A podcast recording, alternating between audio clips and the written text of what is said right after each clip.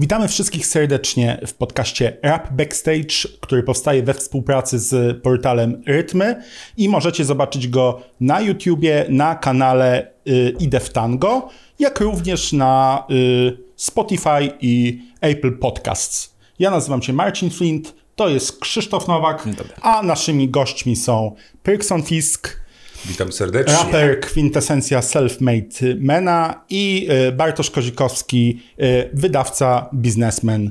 O wszystkich y, aktywnościach powiemy sobie dobry, za chwilę. A zaczniemy od jednej z bohaterek naszej rozmowy, czyli płycie.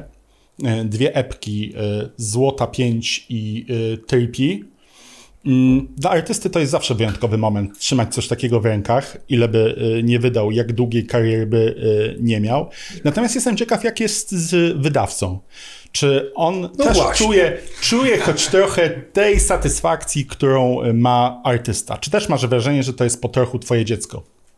E, w 100% tak, tak, tak. Jak bierze się pod uwagę cały ten proces powstawania płyty, weźmie się pod uwagę wszystkie jakieś fakapy, które się zdarzają, historie, które się zdarzają w trakcie kręcenia klipów, nagrywek, ściągania jakichś gości, e, trochę przyciskania producentów, żeby dokręcili gdzieś beat i jak to się ukazuje, to jest mega duża satysfakcja, tak.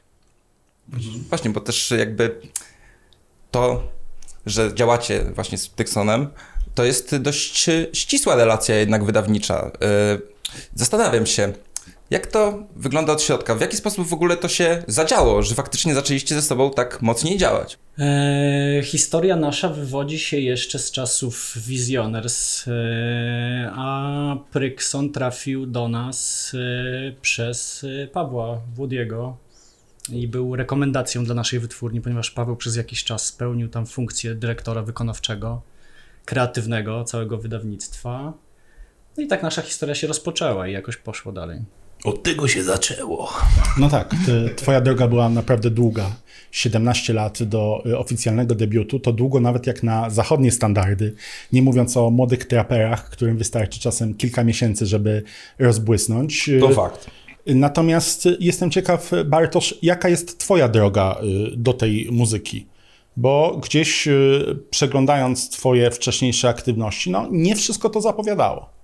Żeby nie powiedzieć, że niewiele to zapowiadało. Eee, Biorąc pod uwagę jakąś moją historię i kompletnie inną branżę, w której wcześniej funkcjonowałem, bo to była branża bardziej związana z nieruchomościami i finansami, mm, to mogę powiedzieć, że to był jakiś taki splot dziwnych wydarzeń, że w ogóle znalazłem się w tej branży.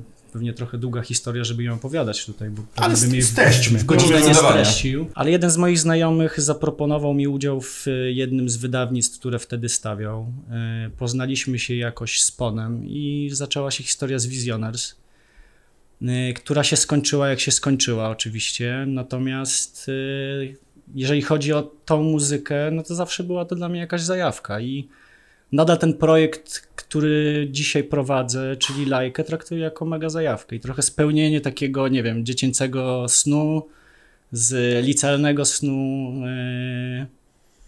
Więc to jest jakby hobby na chwilę obecną. Nie jest to przedsięwzięcie stricte biznesowe, bardziej hobbystyczne. I tak bym to traktował i tak to traktujemy dzisiaj nadal z całym teamem. Mhm. Ciekawa jest ta nazwa, Lajka. No, kojarzy się z psem wystrzelonym w kosmos. y, Smutna historia, a y, gdzieś no, muzyce y, do smutku jak najdalej.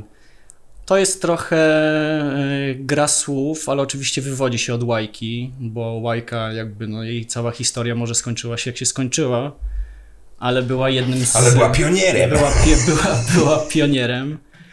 E, A że jesteśmy z teamem miłośnikami zwierząt, bo też wspieramy schroniska z części kasy, którą zarabiamy na wydawnictwach.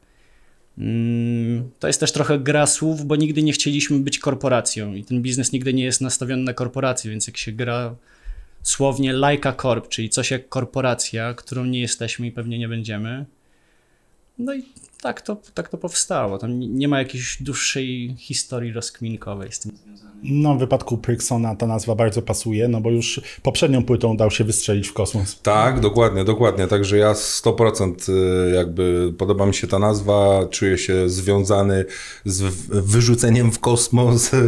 Także jak najbardziej myślę, że trafne do, do całego materiału, który został wydany jak do tej pory w wytwórni. Myślę, że jest 100%.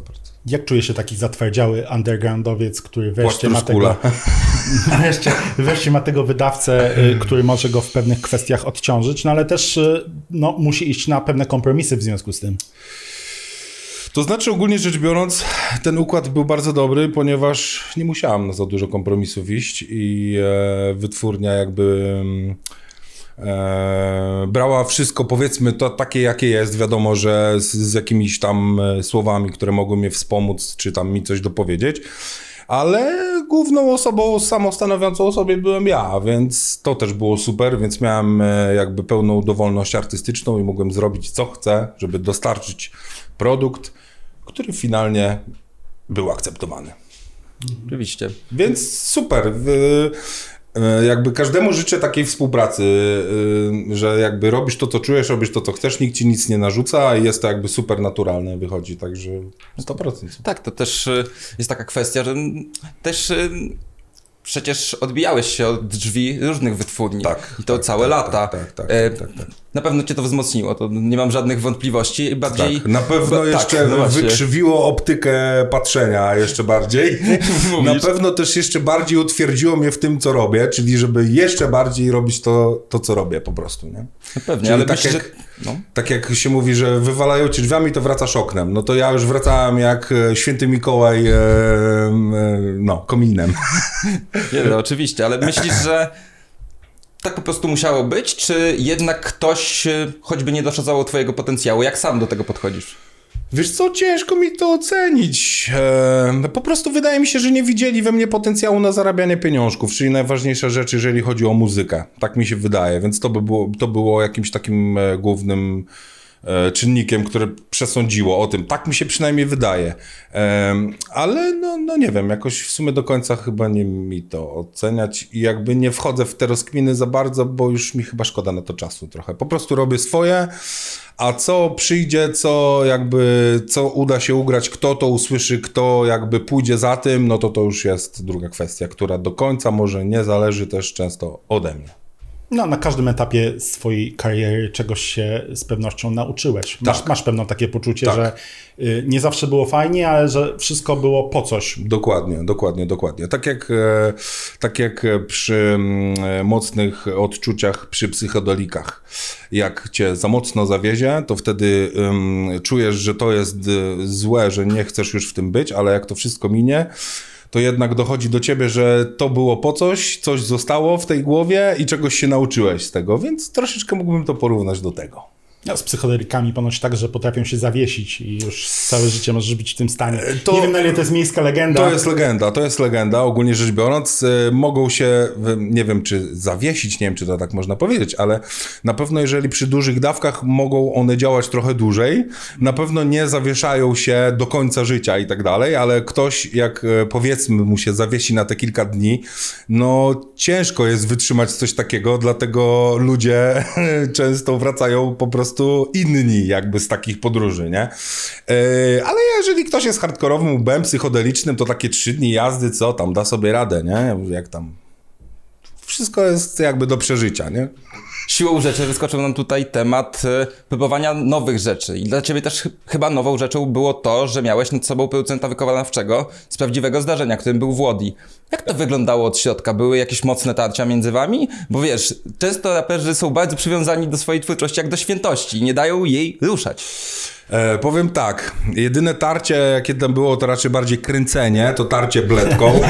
E, poza tym nie, zupełnie nie. To były jakby luźne, em, luźne, nie wiem, czy tipy mógłbym to nazwać, które miały... Topy. To, tip, tip topy, które miały jakoś tam e, po prostu e, przetrzeć mi może jakby drogę bardziej w sensie, żeby, żeby że mm, przez osobę, która tyle lat jest na rynku, która przetarła tyle tych szlaków wszystkich, no to zawsze dobrze posłuchać takiej osoby, bo on po prostu przeszedł już tą drogę i on wie, że mówi, słuchaj, tutaj z tym to nie, z tym to tak i tak dalej, i tak dalej. Więc wiele z tych, z tych jego tipów wziąłem sobie do serca, e, ale to też nie było tak, e, jak mówię, ja miałem pełną dowolność tego, co robię, jak robię, jak chcę, żeby to wyglądało. Ja pokazywałem e, chłopakom to wszystko i oni mówili, super, kurde. Elegancko. Między chłopakami Lubimy była to. automatyczna chemia, to przynajmniej z perspektywy mojej jako wydawcy było to dostrzegalne, jakby, nie wiem, jakby znali się 30-40 Tak, to praktycznie lat. bez słów się wszystko odbywało. Ja tylko wysłałem materiał,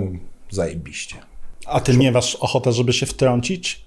Klip y, lepiej do tego utworu niż do tego. Tu wymień beat, y, bo są, jest, są dwa typy wydawców, tak właściwie.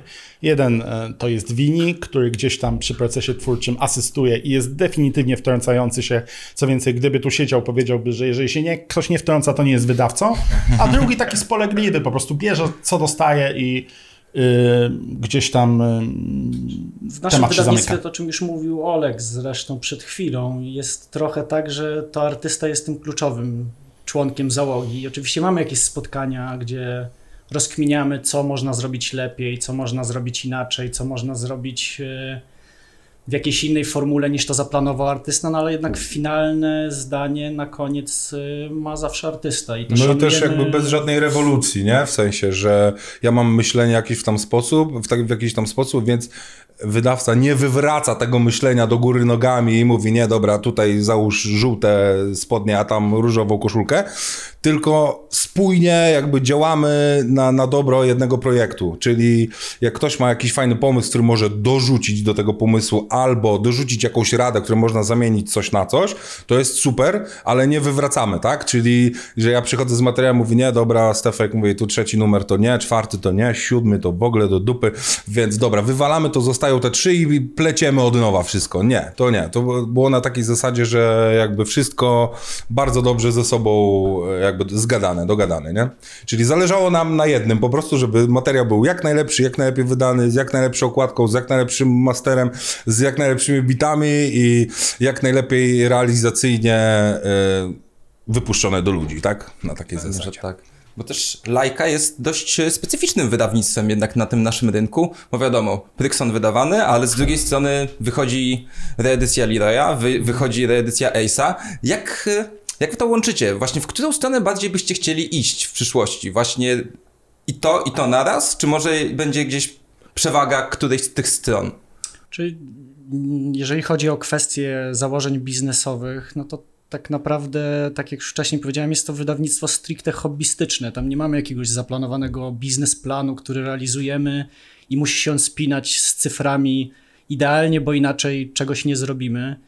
Jeżeli chodzi o wydawnictwa klasyczne, to tak naprawdę mm, to są też projekty, które chciałem, żeby się ukazały, bo to jest jakiś trochę statement tego, kim jesteśmy, w którą stronę chcemy iść a też trochę po części realizacja jakichś marzeń, tak? Z bycia dzieciakiem i wydania płyty, które gdzieś miały jakiś wpływ na, na nie wiem, postrzeganie muzyki przeze mnie jako założyciela tej wytwórni. Yy, Do dzisiaj pamiętam 2003 rok, jak słuchałem płyty Jacka, tak? Chociaż moją pierwszą zajawką był Elemer, oczywiście próbowaliśmy to wydać, nie udało nam się, dlatego padło na Gdzie jest Ace. Natomiast no, Leroy byłem dzieciakiem i słuchałem tego oczywiście na full regulator, wkurzając sąsiadów, yy, więc yy, to też jest jakiś kawałek historii i na pewno w planach mamy wydanie jeszcze kilku fajnych klasyków. Mam nadzieję, że jeden z nich ukaże się na, na jesieni, czego jeszcze nie mogę zdradzać, bo planujemy jakieś wydawnictwo, ale chcemy też wspierać takich artystów, którzy w tym obiegu mainstreamowym ze względów na to, że mogą mieć niską sprzedaż, nie spinają im się wyświetlenia na Instagramie, na Facebooku, ta monetyzacja nie jest do końca ok, ale ich muzyka jest mega wartościowa, yy, to chcemy dać im szansę, żeby ta muzyka gdzieś się ukazała w szerszym yy, obiegu, tak? Pojawiła się ta płyta w Empiku, pojawiła się na streamingach i miała też jakieś wsparcie marketingowe. Mm, Trochę lepsze niż gdyby ten artysta wypchnął to drogą chałupniczą samodzielnie. Wiadomo, dzisiaj można zrobić to przez YouTube'a. Zamieszczenie kawałka na streamingach nie jest też jakimś dzisiaj bardzo dużym problemem, ale jednak wielu artystów boryka się z tymi problemami marketingowymi, z świadomością, jak ustawić kampanię na Facebooku, tak, reklamową i tak dalej.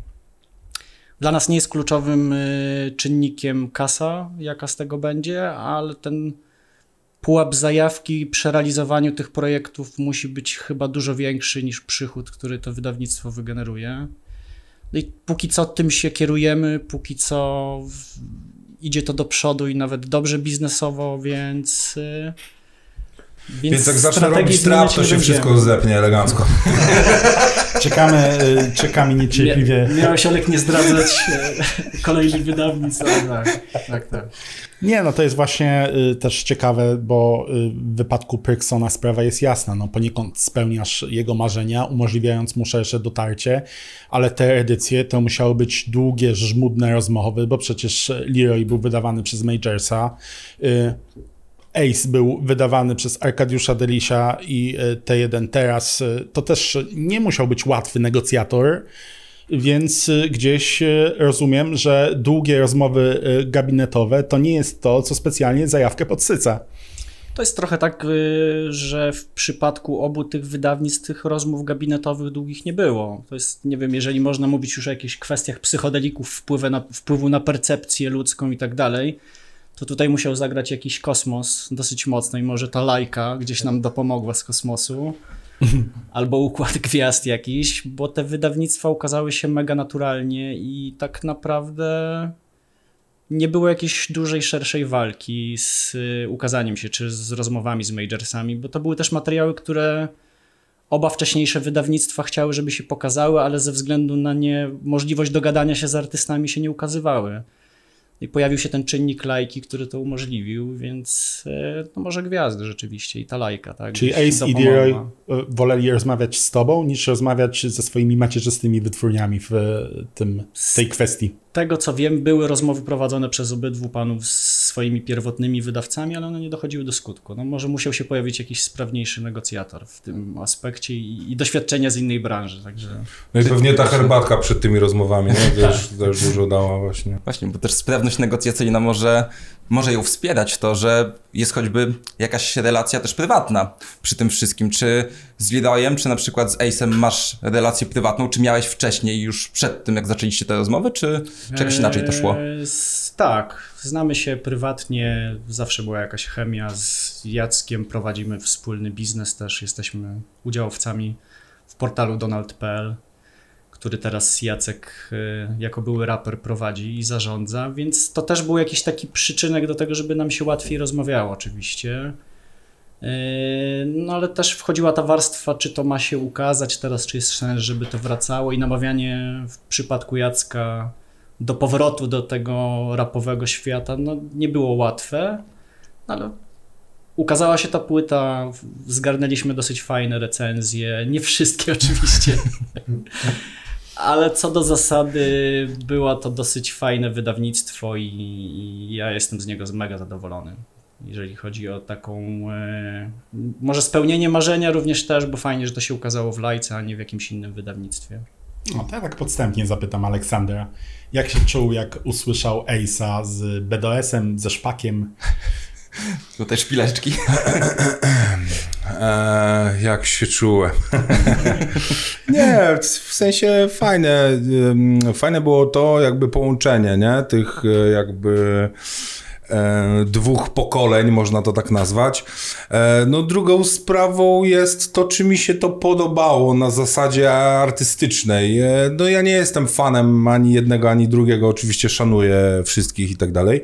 Nie jestem fanem muzyki ani jednego, ani drugiego, że tak powiem, MC, więc no, niestety nie zrobiło to na mnie jakiegoś tam piorunującego wrażenia, ale jednak akcję propsuje, bo w spoko opcja połączenie pokoleń, e, zwłaszcza, że e, no, na płycie Ace'a to się wychowałem, tak? To, to, to, był, to był mocny tytuł, em, którzy wszyscy moi ziomale słuchali, jarali się wersami, po prostu, e, już może teraz nie będę przytaczał, jakimi się jarali wersami najbardziej, ale było ich wiele i do tej pory jakby nosimy je w sercu, więc super fajnie było zobaczyć jakby takie właśnie połączenie tych, tych, tych pokoleń.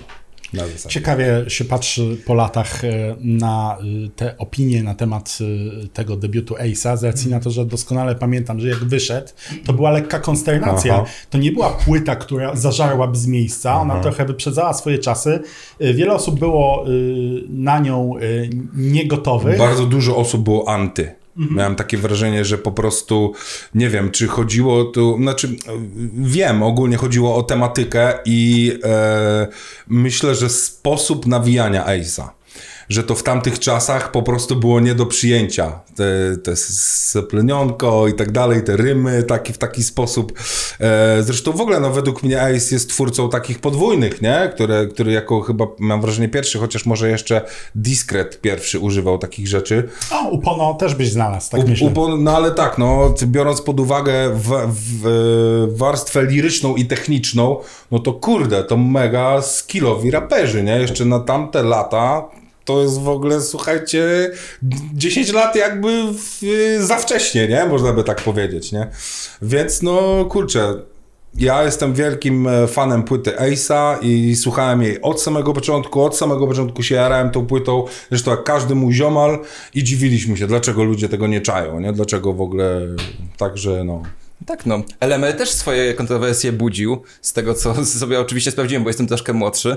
E, LMR też super. No, Ale tam też jechali tak. po bandzie grubo, nie? Ale to jest właśnie też ciekawa sprawa, bo napomknąłeś. facet. No, właśnie, wiesz, napomknąłeś e, też o tym, że były pomysły, żeby faktycznie wydać LMR-a i tutaj tak. coś nie zagrało. Co, co tutaj nie zagrało?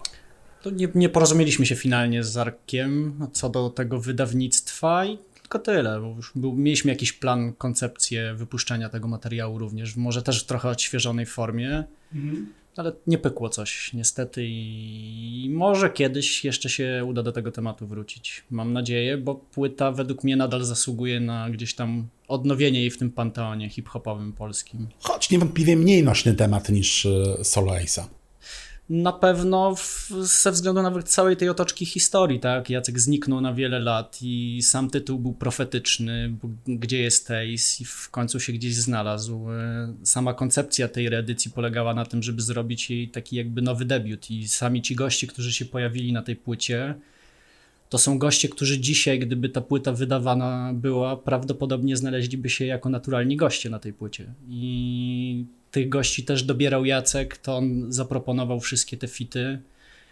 I no i wydaje mi się, że ten materiał się bronić będzie również za kolejne 17 lat, tak. Tak, i też ludzie czekali na to, żeby ta płyta pojawiła się w streamingu. I to też jest kolejna rzecz, czy macie takie plany, że jest też masa rzeczy podziemnych e, z, z, tego pięknego, złotego okresu podziemia? Czy też macie pomysły na to, żeby faktycznie rozmawiać z tymi twórcami, którzy wydawali wtedy w podziemiu, którzy nagrali klasyki, żeby te klasyki znalazły się choćby na streamingach, już nawet nie abstrahując od wydań fizycznych? Rozmawiamy i tak, są takie rozmowy prowadzone dzisiaj. Jest kilka perełek które moim zdaniem powinny się ukazać na tych streamingach i może trochę w odświeżonej, zremasterowanej wersji, żeby te brzmienia były bardziej aktualne. Natomiast nie będę zdradzał na tym etapie, z kim rozmawiamy i co planujemy, ale tak, tak, tak. Jest to jeden z jakichś elementów też powiedzmy może naszej strategii biznesowej, jeśli tak to można ująć. To ja odbiję do Olka. Y, jaką edycję z twojej no, dość bogatej y, zwłaszcza w części undergroundowej e, dyskografii, mm, widziałbyś najchętniej? Co by warto z twojego dorobku w sensie przypomnieć? z mojego materiału, co tak, by można... Tak, tak, Myślę, że projekt, który się nazywa Dark Sound. To był projekt, którego nawet nigdy na, na fizyku nie wydaliśmy. To był projekt, w którym wzięło udział dwóch kozackich MC z Wielkiej Brytanii. Szerzej znani mogą być też przez na przykład fity z takimi raperami jak Il Bill albo inni znany, znani ze Stanów. Więc uważam, że jakby ta płyta jest taką mm, najmniej może docenioną e, przez swój taki ciężki bardzo klimat. Przechodziłem wtedy taki okres, ja to nazywam... E, okres pieśni Hefajstosa, e, czy, czyli po prostu bardzo ciężkie bity, bardzo ciężkie rozkminy typu Wini Pass i takie rzeczy, bo wtedy bardzo się tym jarałem, więc ta płyta jest taka trochę odszczepiona od wszystkich moich projektów. Więc myślę, że to na pewno byłoby ciekawostką taką, żeby pokazać taką e, jakby dark side, nie? Że dark side of the moon. na takiej zasadzie. To też jest e, ciekawe i myślę, że to może być bardzo cenną wskazówką dla wielu e, graczy z undergroundu, bo e, to był czas, kiedy absolutnie nie robiłeś nie wiadomo jakich wyników. Co więcej, miało się wrażenie, że nie zależało ci specjalnie na nich, ale już była na przykład współpraca z legendami z Anglii, o której wspominasz. I mm -hmm, też mm -hmm bity, y, które y, miałeś na y, swoich epkach, no to była poniekąd czołówka polska. No może nie Donatan i nie So Dramatic, ale jednak ksywki, które każdemu, kto obserwuje ten hip-hop, No tak. Jeszcze zależy o jakiej czołówce mówimy. O, nie, tak. nie wydawały się anonimowe. W związku z czym, jak to pogodzić? Jak iść tak relatywnie na bogato z środkami undergroundowego rapera, zwłaszcza, że no, nie jesteś Rockefellerem z Nowego Jorku, tylko chłopakiem z Siedlec. Dokładnie, to jest prawda. Em, nie wiem, czy chcę tutaj zdradzać moje, że tak powiem, te techniki socjotechniczne. Nie, ogólnie rzecz biorąc, zaczęło się bardzo prosto. Nie miałem pod co nawijać, nie miałem pod co rapować, więc wysyłałem na masę, na masę po prostu wiadomości do wszystkich producentów, których znalazłem gdzieś na internecie i mi się spodobali jakaś, jakoś ich muzyka. I robiłem to z pasją po prostu jak y, psychopata, bo pewnie cały rok codziennie do kogoś pisałem. I miałem tak silną potrzebę tego, tak jakby wywarłem impact we wszechświecie, że po krótkiej chwili ci ludzie zaczęli się do mnie odzywać. I ja wtedy opracowałem sobie taki pewien patent. E, Chciałem na przykład zrobić płytę w temacie lofi, nie? Czyli bity, bity w stylistyce lofi, ale nie znałem żadnego takiego producenta, który robi takie rzeczy, więc znalazłem listę tych wszystkich producentów, pozdrawiam Hi- Himalaya Collective serdecznie e, i napisałem do każdego z nich wiadomość, z czego odpisało mi może dwóch na samym początku, ponieważ ja nie robiłem muzy w ich stylu, tak? Czyli nie miałem za bardzo co im pokazać, żeby oni się zainteresowali tym, tak? Więc znalazłem tego, tą jedną osobę, która się zajarała tym, co wysłałem im i dostałem już coś w ich klimacie, więc y, zaprosiłem wokalistkę, zrobiliśmy fajny numer pierwszy i to był pierwszy kawałek, którym mogłem już grać z nimi, tak? Czyli wysłać, siemanko, jestem Prykson, tutaj robię to i to, y, chcę zrobić płytę w stylistyce lofi, zrobiłem pierwszy numer, obczaj to. I tu już zaczęło y, jakby zbierać to żniwo na takiej zasadzie, że ludzie słuchali tego, mówili, kurde, ty, no to jest super, gościu się odnajduje, jakby na tym i to fajnie wszystko hula. I od tamtej pory zacząłem poszerzać jakby swoje e, plecy, że tak powiem, beatmakerskie i od tamtej pory działam bardzo czynnie, bo bardzo dużo osób mi wysyła te bity, nie? I to jest jakby następstwo tego mojego, e, tej mojej dzikiej, kurde, pracy i dzikiej chęci, żeby dostać te bity.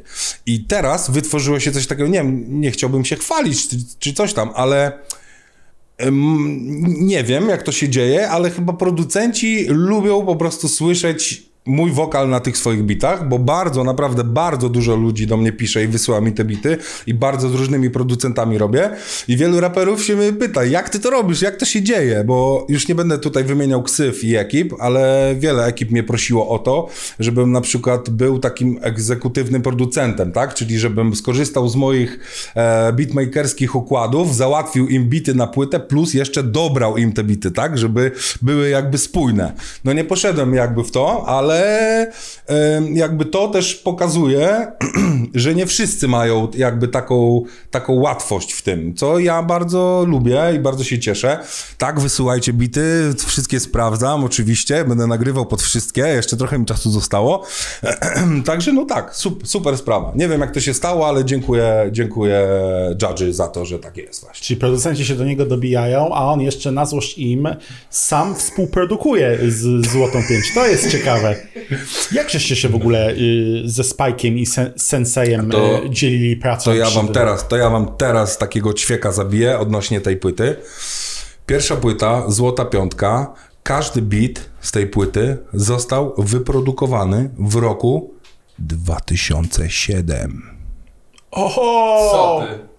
Nie, nie żartuj. 2007, panowie. Ja, Troszkę słuchajcie, musiały to jest, doj- cała, to jest cała historia tego. Ja kiedyś, kiedyś e, serdecznie pozdrawiam ekipę Tubas Składowski. E, kiedyś, kiedyś, kurczę, z chłopakami gdzieś się na, e, przycięliśmy na trasie i powstał pomysł wspólnego numeru. Ja od Domka dostałem wtedy paczkę bitów, w której były bity Spike'a i Senseja i ja jak to usłyszałem, to mówię, Jezus Maria, co to jest za kosmos? A to był 2007 rok, jak chciałbym wam przypomnieć, to ja, jak to usłyszałem wtedy, to ja spadłem z krzesła, nie? I mówię, co to są za goście, dajcie mi kontakt do nich, nie? I słuchajcie, trzy lata szukałem kontaktu do typów, aż w końcu ktoś tam dał mi znać, mówi, to jest to, to jest to. Okazało się, że pusto, że to nie jest ten gość, że to nie jest tamten gość. W końcu trzy lata temu odezwał się do mnie typ, patrzę, że jest z miejscowości, z której pochodzą ci chłopaki, e, te, te chłopaki. Oni się nazywali kiedyś Indigo Kids, jako y, y, duet beatmakerski. No i tak doszedłem w końcu do pana Spajka i mu mówię, facet, mówię, szukam cię od pięciu lat, chłopie. Mówi, dawaj mi te bity wszystkie, powiedz mi tylko proszę, czy to jest, czy masz to w śladach, czy można to robić. I stary, robimy to, nie? Gość na początku był w szoku, mówi, kurde, nie wiem kim, kim, nie znał mnie zupełnie. Jakby wysłałem mu kawałki, on po jednym dniu słuchania tych kawałków już mówi, facet, nie, no robimy, robimy to, nie?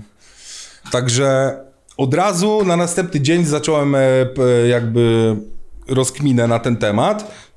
I jak usłyszałem te bity, już temat złotej piątki, kartridży, Nintendo i tak dalej, zarzucił mi się sam, jak to słyszałem. Ponieważ wiele z tych bitów ma w sobie te, mm, jak to się mówi, arcade'owe dźwięki, więc no jakby pomysł powstał naturalnie, nie? Dzięki, dzięki w sumie nim też. Więc kawałek Game Over, y, tam w tym bicie dorzuciłem chyba tylko dwa dźwięki z gier, a tak poza tym wszystko oryginalnie było na tym bicie jeszcze wcześniej, więc chłopaki tak jakby dali mi koncept pod, pod wszystko. Więc jest taka historia, że... A, jeszcze następna rzecz. Dlaczego brałem udział w współprodukcji płyty? Ponieważ... E, Spike na tyle poszedł już do przodu z tymi swoimi bitami i on robi teraz bardziej nowoczesne produkcje, że on nie widział siebie, jak może jeszcze mm, pobawić się aranżem w tym bicie, żeby coś tutaj dodać nowego, tak? Więc tutaj wziąłem się ja za to.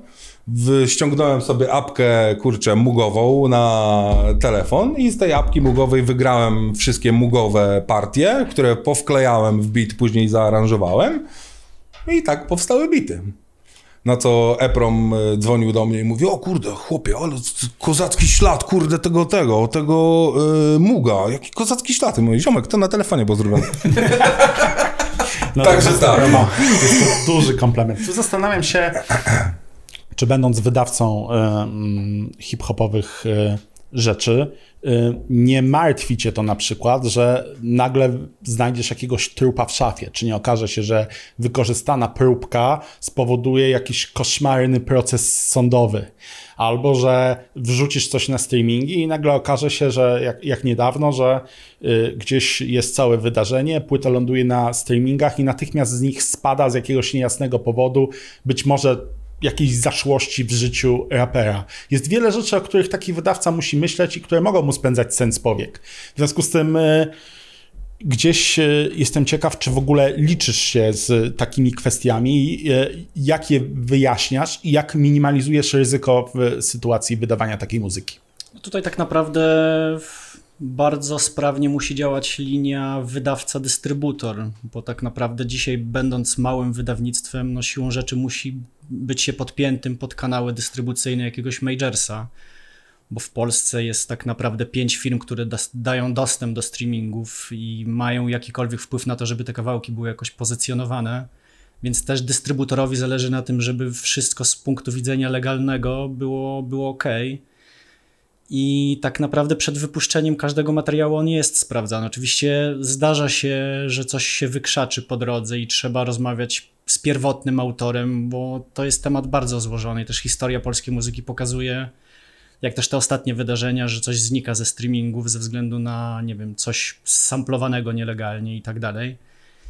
E, ale to jest chyba jedno z ryzyk biznesowych, tak? I trzeba je brać pod uwagę i trzeba negocjować, żeby jednak płyta została na streamingach i żeby to dalej gdzieś tam biegło w świat, bo czy się tego da uniknąć? Przypuszczam, że przy takiej ilości składowych, jaką jest wydanie albumu i ilości osób zaangażowanych w projekt i wyrażenia zgód y, wszystkich prawnych na wykorzystanie wizerunków, y, twórczości, praw autorskich itd., tak no nie ma szansy, żeby w 100% być pewnym, że wszystko jest ok. I w przypadku naszych wydawnictw przy każdym wydawnictwie zdarzyła nam się jakaś taka historia, ale udało nam się w jakiś sposób to sprawnie rozwiązać i dalej wszystko działa, nic nie zostało zdjęte ze streamingu, więc mamy nadzieję, że tak, tak dalej będzie.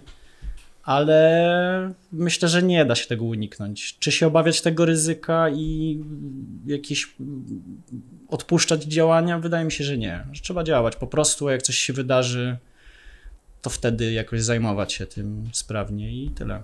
Tak samo jak taka ciekawostka, e, że wytwórnia Stone Throw, e, wydając e, ostatnio bandanę, nawet nie miała hajsu, żeby wyczyścić sample, więc jak się wbija w kawałki poszczególne, to wyskakują na dole prawa do oryginalnych sampli, nie? Mhm.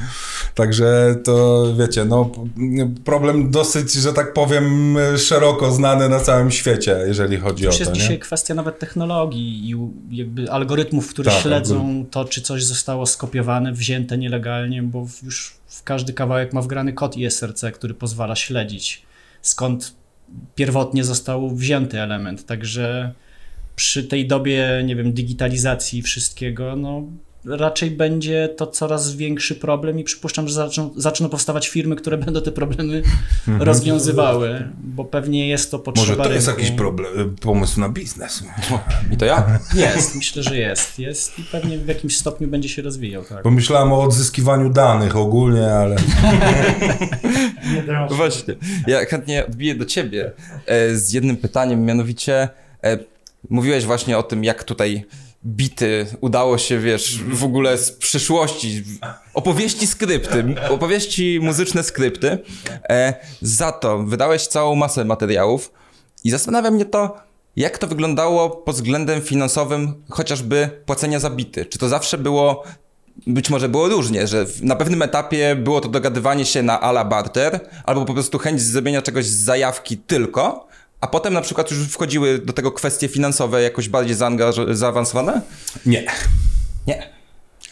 Jeżeli robię rzeczy jako ja sam, w sensie prywatnie, nie przez wytwórnię, e, robię to na zasadzie barteru, tak? Czyli e, ziomal zrobił kozacki beat, chce fajny kawałek, E, więc tak samo jak mi się podoba jego beat, to fajnie, żeby mu się podobał mój wokal i na zasadzie wymianki to robimy, tak? Czyli idziemy razem, jakby ruszamy w jedną drogę, tak?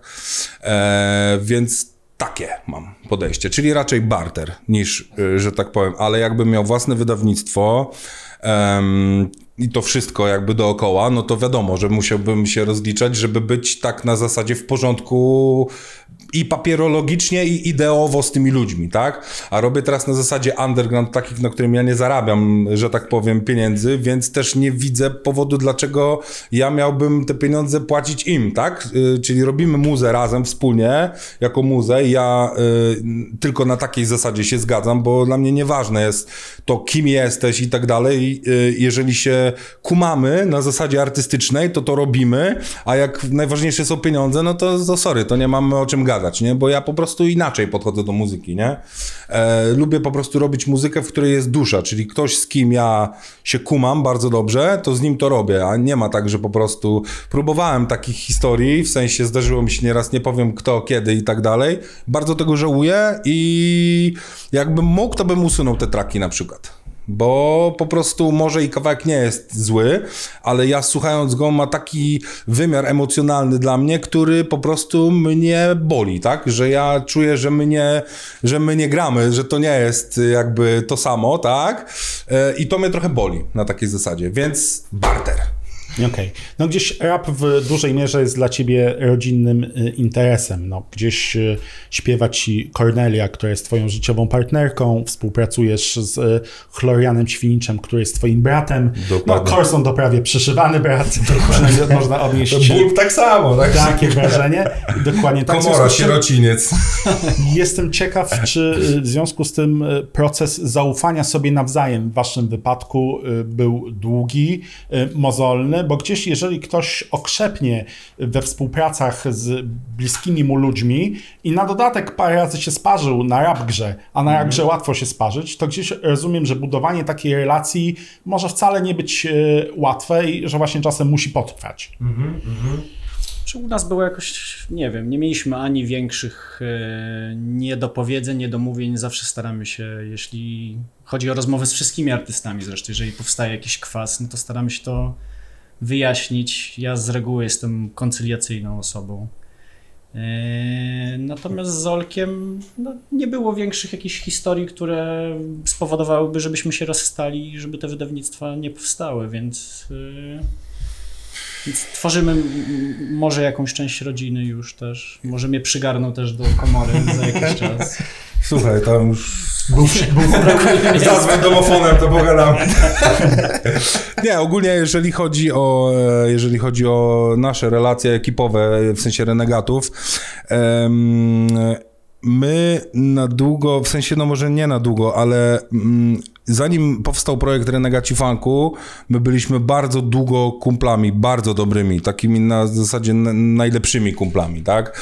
Więc my się znamy bardzo dobrze, e, znamy swoje wszystkie po prostu humorki, srorki i takie tam inne rzeczy, więc też to jest y, znajomość na takim pułapie, że nam łatwiej trochę się współpracuje, bo my wiemy co od, y, y, na co kogo stać, e, kiedy ktoś się wygłupia e, i tak dalej, i tak dalej. Choć nie powiem, po płycie z Knapem, którą zrobiliśmy, jakoś jest nam ciężko się wzbić w kupę, żeby zrobić album od początku do końca Renegatów, ale niewątpliwie to powstanie niedługo, ale jakby jest, jest jeszcze ten etap takiego rozbicia. Teraz, teraz i Corson y, dziecko w drodze i tak dalej, więc mm, no, nie będzie łatwiej, że tak powiem.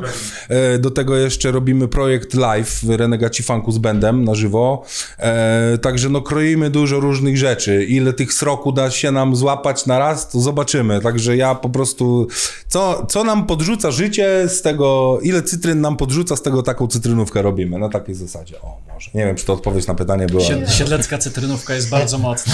Tak, Bimber y, też. Tradycje warszawskiej również są rozbudowane, ale to na rozmowę z innym e, gościem. E, Bartosz, jestem ciekaw, która branża była dla ciebie bardziej stresująca do tej pory? Czy budowlana, czy muzyczna?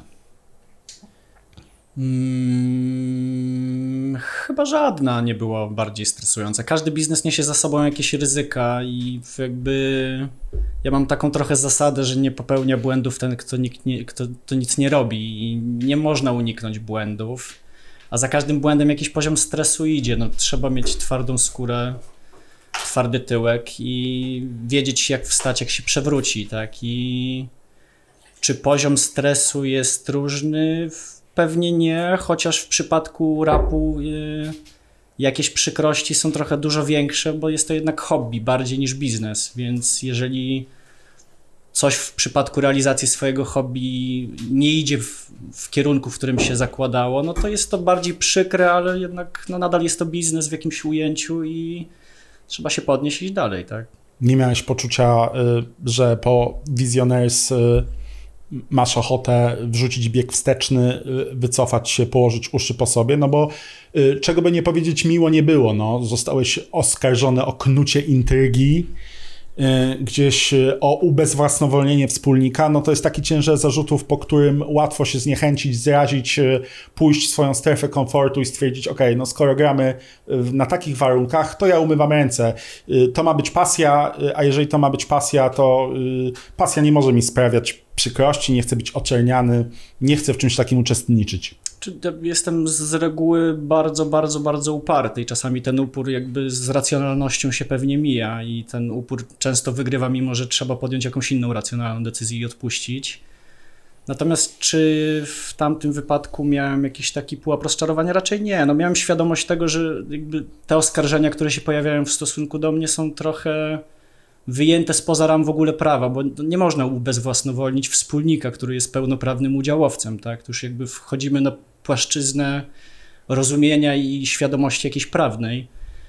Więc y, trochę traktowałem to jako taką ciekawostkę, przygodę.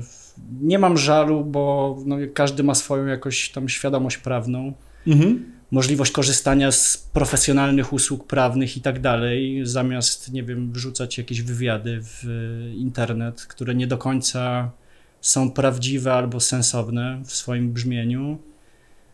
No ale dla mnie ta historia też jest jakimś czymś, o czym już chyba zapomniałem i nie wiem, czy to Nie, jest... nie jest, nie ma potrzeby chyba większego drążenia, chociaż jestem ciekaw, czy w wypadku y, Pyrksona y, przejście y, z Visionaires do Lajki było czymś zupełnie naturalnym, bezproblemowym, bezrefleksyjnym. Hmm, w sensie nawet zbytnio nie... W sensie, no, no, podszedłem do tego jakby, no, patrząc z mojej perspektywy, tak? Czyli, e, no, ani mnie to ziębi, ani ciepli, mówiąc szczerze. To nie są moje sprawy, to nie są e, jakby rzeczy, znaczy...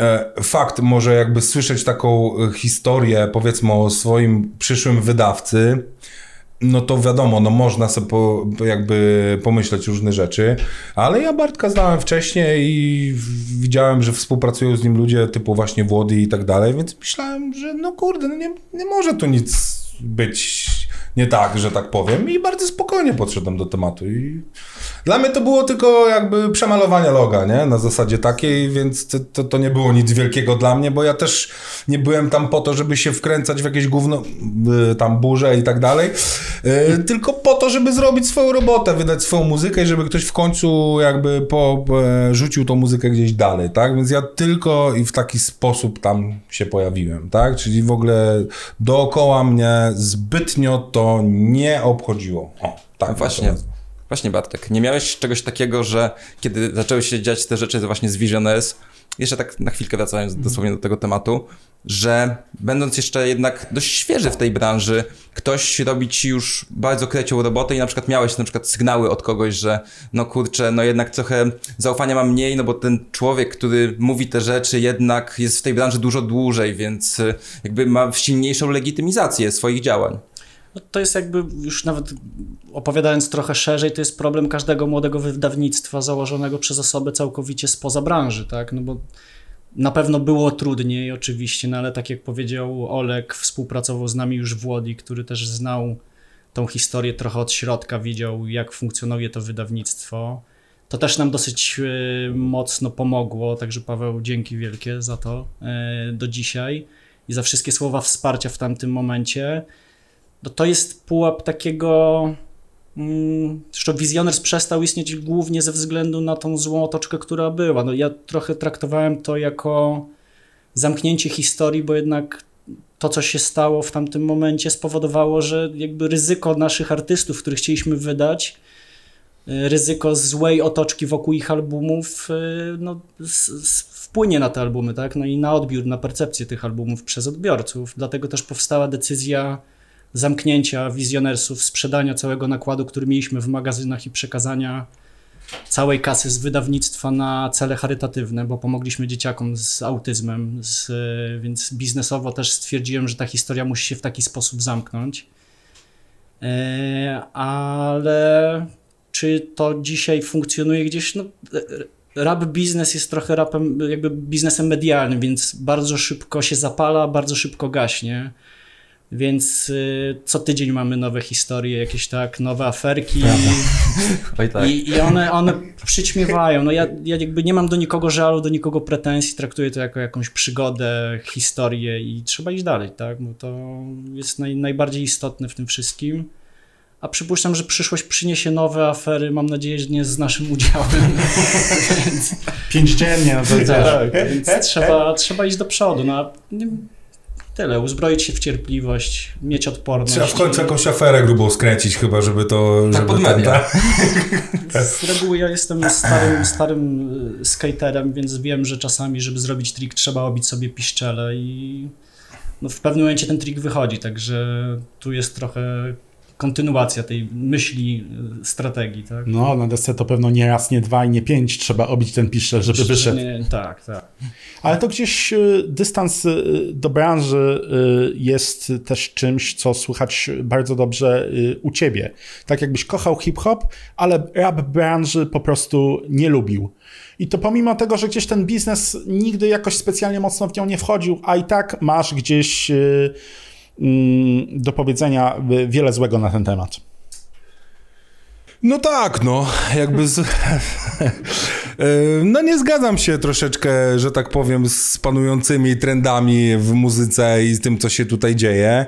E, no ale też nie jestem, nie jestem omnibusem, ani nie pozjadałem wszystkich jakichś rozumów świata, żeby mówić ludziom, czego mają słuchać, albo tym bardziej, jaką mają muzykę robić, tak? Więc to jest tylko i wyłącznie moje osobiste jakby zdania na ten temat. A ja e, jestem po prostu chłopem, który lubi proste podejście do sprawy, tak? Czyli jak jest chemia, to robimy. Jak mnie lubisz, to mnie lubisz. Jak mnie nie lubisz, to ja wiem o tym, że mnie nie lubisz, a nie podchodzisz do mnie, to mnie lubisz, a odchodzisz, jednak okazuje się, że mnie nie lubisz. Wiecie co, no nienawidzę takich opcji po prostu. E, I ja mam bardzo prostolinijne podejście do tego. Dlatego nie lubię e, typu opcji e, ściankowych, opcji, że ten znany, tamten jest znany. Nie, ja jestem po prostu chłopakiem z bloków, który robi muzykę, tak? Nie chcę sprzedawać się jako właśnie, nie wiem, nie wiadomo jaki gość, który tutaj zjadł wszystkie, ten i w ogóle i tak dalej, i tak dalej. Nie. Robię po prostu swoje, mam na resztę i niech tak zostanie po prostu. Okej. Jasne. Jasne. No, A, proszę. pie, pie, nasz pierwszy jinx w programach, tak. A to się Jinx nazywa. Dawaj, dawaj. Tak. E, nie no właśnie, bo wiadomo, Siedlce, miasto raczej spokojne. Też mówisz o tym, że branża jednak e, no, nie, niekoniecznie rzeczy dla ciebie. E, myślisz, że na przykład też nie miałeś większej ochoty przeprowadzić się na przykład do Warszawy, gdzieś tam próbować gdzieś tę karierę mimo wszystko popchnąć w różnych kierunkach, nawet będąc w zgodzie ze sobą.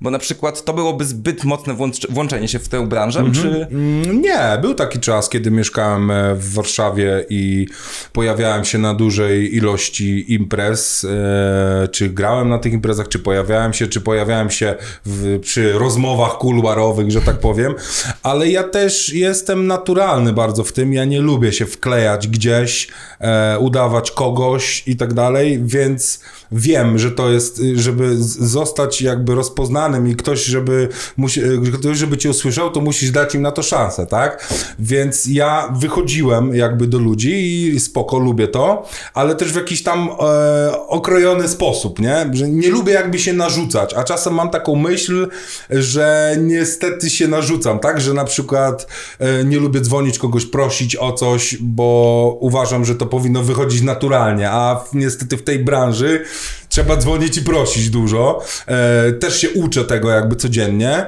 e, ale jakby pilnuję takiej, takiej naturszczykowości, tak? Że, że dla mnie muzyka to jest, wiesz, najpierw zaczyna się tu, nie? Nie tu, tylko tu najpierw jest. Czyli ja to czuję, ty to czujesz, to robimy razem. Je, jeżeli, jak mówię, nie lubię cię, no to ci powiem, że cię nie lubię, a nie będę udawał, że cię lubię. Oczywiście. Mm, Prosta sprawa, nie? Więc, Wbij na klip. więc tak. Wbij na klip, weź coś do jedzenia. A czujesz się bohaterem w swoim mieście na tej zasadzie, na której Kenke może czuć się bohaterem w Nie, Radomiu przykład? zupełnie, zupełnie nie czuję się żadnym bohaterem. Em, moje miasto jest bardzo specyficznym miastem, zresztą jak jeździłeś na wschód, to pewnie nieraz przyjeżdżałeś, to widziałeś. O nie, raz. Jest to bardzo smutne miejsce. Jeżeli e, miałbym tak to rozłożyć na części pierwsze, na hip-hop nie ma tam miejsca za bardzo. Ludzie, wszyscy moi sąsiedzi myślą, że jestem dealerem. E, bo wiesz, jeszcze swego czasu po prostu utrzymywałem się z muzyki, robiąc wiele różnych rzeczy, prowadząc warsztaty, mając studio domowe i tak dalej, i tak dalej, i tak dalej, ale cały czas ci ludzie patrzyli na mnie i patrzą do tej pory jak na nieroba, dealera, gangstera, całego podziarganego, że ja po prostu nic nie robię, tylko coś tam muszę kręcić na chacie, bo jak to jest możliwe, nie? Że ja mówię, a czym się zajmujesz? Mówię, zajmuję się muzyką, a ty darmo zjadzie, mówię, do roboty w końcu, nie? Na, tak, na takiej zasadzie i cały czas to przeświadczenie tam jest, nie? Więc ja zawsze się śmieję, że to jest 80 km od Warszawy, ale w kwestii mentalnej to jakieś 100 lat pewnie będzie, nie? E, więc ogólnie kocham swoje miasto i nie wyobrażam sobie, żeby mieszkać gdzie indziej, ale no w rozwoju mi zbytnio nie pomaga, ponieważ no ostatni koncert w moim mieście zagrałem, kurde, pewnie z 10 lat temu. No to tak, to ładne. Także czasu rzeczywiście. i, i, i słuchajcie, naprawdę nie mam za bardzo ochoty w nim grać. Po pierwsze, nie za bardzo jest gdzie, a po drugie, no, no inny mental zupełnie, nie? Ja, ja jakby, wiecie, jeszcze wyglądam jak wyglądam. E, nie mogę przejść spokojnie do sklepu, żeby nikt nie zwrócił na mnie uwagi, nie? Oczywiście ja już mam to w dupie i tak dalej, ale jakbym się tym przejmował, to bym w psychiatryku wylądował po prostu, bo ludzie nie... Jestem po prostu, mm, jakby to powiedzieć, no... no bardzo ich ciekawie, no, na takiej zasadzie, że nie, nie mogę się e, po prostu opędzić od wzroku ludzkiego, tak? Że czasem e, idąc we własnym mieście, czasem odwracam się i mówię, no weźcie, dajcie spokój, mówię, no, ludźmi jesteśmy, tak? Mówię, ja tylko ważę dwa razy tyle, co ty i mam łysą głowę, a tak poza tym to niczym się nie różnimy za bardzo, nie? I to i takie, wiesz, e, poli, polityczne gierki, nie? Takie ludzie bardzo... no nie ma co gadać, Siece są bardzo pro miastem, wiadomo jakim, e, więc ja z moimi poglądami i jakby moim podejściem do życia się w ogóle nie wpisuję w to miasto. I wszyscy się mnie pytają, mówią, jak to, jak to jest, dlaczego ty tam mieszkasz, jak to...